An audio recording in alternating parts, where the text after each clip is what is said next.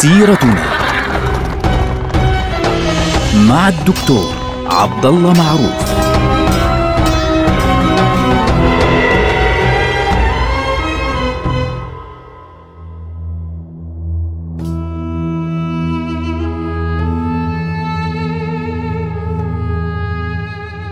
السلام عليكم ورحمة الله وبركاته. سيرتنا سيرة هذه الأمة، ونحن الآن في نهايات عهد الدولة العثمانية وتحديدا في نهايات الحرب العالمية الأولى عام 1918 وما بعدها حتى عام 1922 يعني المرحلة ما بين 1918 اللي هي نهاية العمليات العسكرية في تلك الحرب حتى عام 1922 23 فعليا عندما نضجت نتائج الحرب العالمية الأولى وأصبح لدينا دول جديدة ودول حديثة في ذلك الوقت.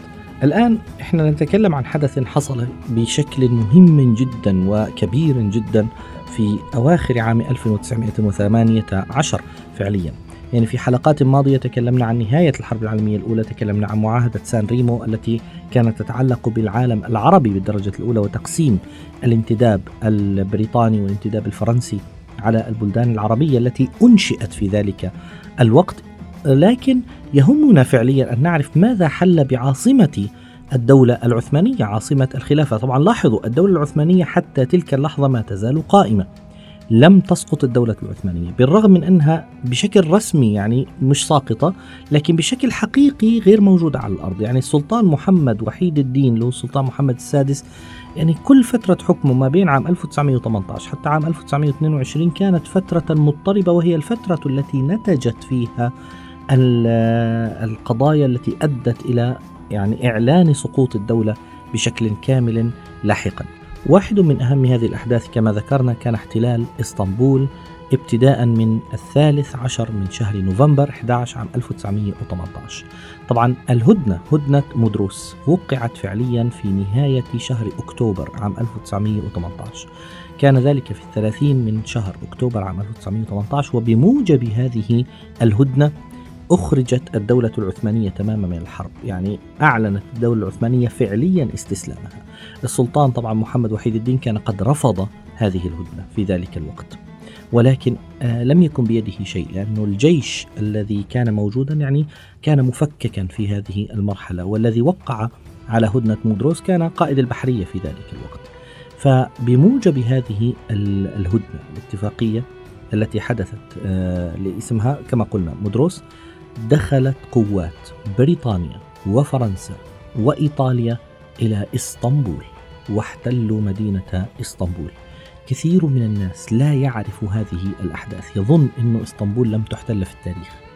وهذا الكلام غير صحيح أخوانا دخلت القوات الفرنسية يوم الثاني عشر من نوفمبر 12 11 1918 إلى مدينة إسطنبول وفي اليوم التالي اللي هو يوم الثالث عشر من نوفمبر دخلت القوات البريطانية وهي الأكبر عددا والأكثر يعني تسليحا بين هذه القوات.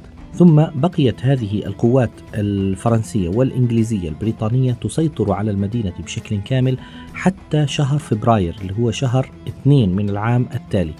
يعني نتكلم عن تقريبا ثلاث أشهر بعد نزول القوات الفرنسية والبريطانية إلى إسطنبول يوم السابع من شهر فبراير من عام 1919 دخلت القوات الإيطالية منضمة إلى قوات الفرنسيين والبريطانيين ونزلت في أحياء إسطنبول حتى أنه ذكر أنها نزلت في حي كراكوي المعروف اليوم مباشرة بعد جسر غلطة في ذلك المكان نزلت القوات الإيطالية وتم احتلال العاصمة بشكل كامل وتم إنشاء إدارة عسكرية للمدينة. كان بعد نزول هذه القوات تم إدارتها بشكل عسكري وهذا أول احتلال يحدث في مدينة إسطنبول منذ فتحها على يد المسلمين. منذ ذلك الوقت لم يدخل أحد لم يجرؤ أحد على الاقتراب من عاصمة الدولة العثمانية حتى ذلك اليوم. والله المستعان كان يوما صعبا جدا على هذه المدينة. طبعا هذا الاحتلال استمر للعلم فترة طويلة جدا. يعني يفترض كان أن يتم الاحتلال حقيقة حتى عام 1920 يعني لمدة تقريبا سنتين حتى يتم ترتيب الأمور في الدولة. ولكنه طال أكثر وطال أكثر وأكثر وخاصة أن هناك دولة أخرى دخلت على الخط وهي اليونان التي دخلت إزمير أيضا ودخلت إلى مدينة إسطنبول. وهذا الأمر اللي هو دخول اليونانيين إلى مدينة إسطنبول إلى جانب الإيطاليين والإنجليز والفرنسيين أدى إلى اشتعال المشاعر في داخل المدينة وأدى إلى إشعال حرب الاستقلال التركية المشهورة التي سنتكلم عنها لاحقا إن شاء الله عز وجل. الآن في عام 1920 آه، فعليا وقعت معاهدة جديدة. يعني قلنا إن السلطان آه، محمد وحيد الدين رفض الهدنة هدنة مدروس ولم يوقع عليها فعليا ورفض التوقيع عليها. لكن بعد ذلك فعليا تم إقرار معاهدة اسمها معاهدة سافر كان ذلك يوم العاشر من شهر أغسطس 8 عام 1920 وهذه المعاهدة كانت تتضمن فعليا التخلي عن جميع أراضي الدولة العثمانية التي يقطنها الذين لا ينطقون باللغة التركية. إضافة إلى تقسيم الأناضول بين عدد كبير من هذه الدول. فتقسمت تركيا تقسمت منطقة الأناضول وتم إخضاع هذه المناطق للحكم الإنجليزي والحكم الفرنسي والإيطالي فعليا إضافة إلى بعض القوات الأخرى طبعا التي تشمل هذه المناطق. وكان من نتائج هذه المعاهدة فعليا إقرار الانتداب الانتداب الذي كان بموجب فعليا معاهدة سان ريمو التي حدثت في عام 1920 في نفس السنة فعليا. طبعا هذه المنطقة تم تقسيمها بالكامل بيد الحلفاء في هذه المعاهدة وكان بموجب هذه المعاهدة تم إطالة الوجود الإنجليزي والفرنسي والإيطالي في مدينة إسطنبول. كان يفترض حتى عام 1920 ينتهي هذا الأمر ولكنه لم ينتهي. كيف كان رد فعل السلطان على هذا الأمر؟ السلطان استدعى مصطفى كمال القائد العسكري الذي كان قد ذاع صيته فعليا وأمره أن يخرج فعليا إلى بقية المناطق ويتحرك باتجاه آه هذه البقاع التي يمكن من خلالها تحرير آه، إسطنبول لاحقا من قبل قوات الحلفاء. تكلمنا عن ذلك في حلقة ماضية لأنه السلطان كان يرى أنه آه، وجود شخصية قوية مثل مصطفى كمال خارج عن الإطار الرسمي فعليا ويتعامل مباشرة مع الشعب كان يرى أن هذا الأمر سيكون مناسبا له فعليا. للعلم البرلمان الذي كان يقوده في ذلك الوقت مصطفى كمال جرد كل الذين وقعوا على معاهدة سفر من الجنسية يعني لم يعترفوا بهذه المعاهدة بالرغم من أن السلطان وقع على هذه المعاهدة. ومن هنا بدأت حرب جديدة وهي حرب الاستقلال التركية حرب طبعا دامت ما بين آه، الانطلاقة التي أعلنها فعليا القوميون الأتراك في ذلك الوقت آه، يوم التاسع عشر من مايو من عام 1919 حتى اكتملت فعليا بدخولهم إلى إسطنبول في يوم التاسع والعشرين من أكتوبر من عام 1923 يعني إحنا نتكلم تقريبا عن حوالي أربع سنوات تقريبا من العمل وكانت مقاومة كبيرة جدا ضد اليونانيين وضد الفرنسيين والإنجليز خاصة اليونانيين بالدرجة الأولى لأنهم أخذوا مناطق مهمة جدا في آه، منطقة إزمير.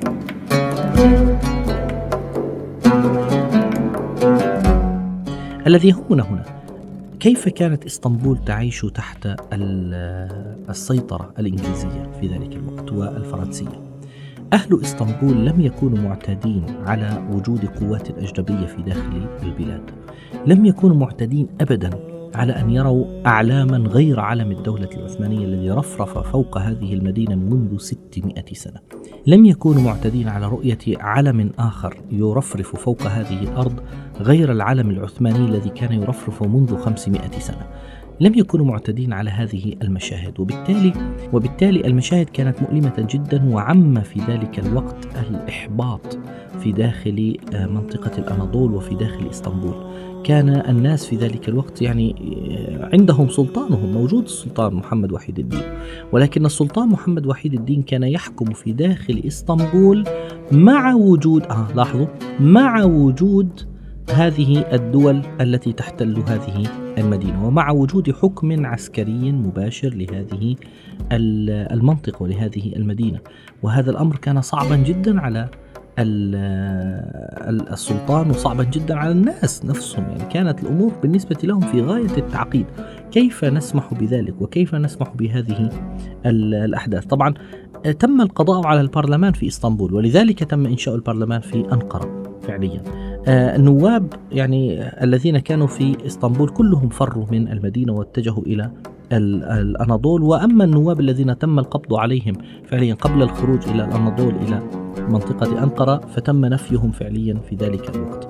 وعلى فكرة رد الفعل الأوروبي على هذا الموضوع لم يكن يعني سهلا وإنما تعاملوا بكل قوة وبكل وحشية ضد كل من حاول أن يتعامل مع وجودهم على أنه وجود غير شرعي.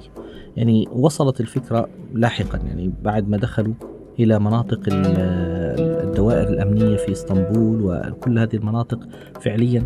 يعني وصلت الأمر بهم إلى أنهم أدانوا بدأوا يدينون يشكلون محاكم ويدينون من شاءوا ويمتنعون عن إدانة من شاءوا.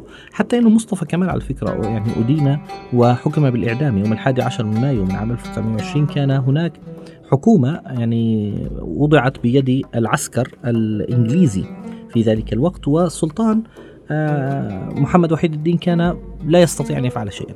فوضعوا له حكومة بقيادة فريد باشا وهذه الحكومة جعلت السلطان فعليا مكبل اليدين. وهذه الحكومة حكمت على كل الثوار ضد الدول الأوروبية الذين يحتلون إسطنبول ويحتلون بقية المدن فعليا خاصة إزمير وغيرها ومناطق وسط الأناضول حكموا عليهم بالإعدام. من بينهم كان مصطفى كمال على فكرة. والسلطان محمد وحيد الدين كان يماطل دائما في يعني تنفيذ القرارات التي تأتيه بموجب هذه الأحداث. فلذلك كان الموضوع في غاية الخطورة يعني حدث انشقاق. السؤال المطروح هنا هل يعقل أنه في ناس تقف مع حكومة محتلة؟ نعم التاريخ يخبرنا بذلك كثيرا. يعني في الحرب العالمية الثانية عندما احتلت آه، ألمانيا فرنسا أفرزت حكومة فرنسية فعليا تابعة لألمانيا. ولذلك إخواننا لا تستغربوا هذه الأحداث لا تستغربوا ذلك يعني حكومة فريد باشا وغيره. الله المستعان. هذا الأمر سيؤدي لاحقا إلى ازدياد الغضب في الأناضول وازدياد الغضب في إسطنبول والوقوف لاحقا. وهذه النقطة المهمة مع الحركة القومية المقاومة للاحتلال الإنجليزي والفرنسي احتلال الحلفاء والتي كان يقودها في ذلك الوقت هذا الضابط اللي هو مصطفى كمال. طبعا هذه الأحداث سيكون لها دور مهم جدا في رفع اسم مصطفى كمال لاحقا ليصل به الأمر إلى رئاسة الدولة كما نعرف في التاريخ. لكن يجب أن نفهم هذه الأحداث لنفهم لماذا كان بيد مصطفى كمال هذه القوة. التي أخذها فعليا شعبيا وهذه الشعبية الجارفة في ذلك الوقت عندما استلم رئاسة تركيا بعد إنشائها لاحقا. نلقاكم على خير. والسلام عليكم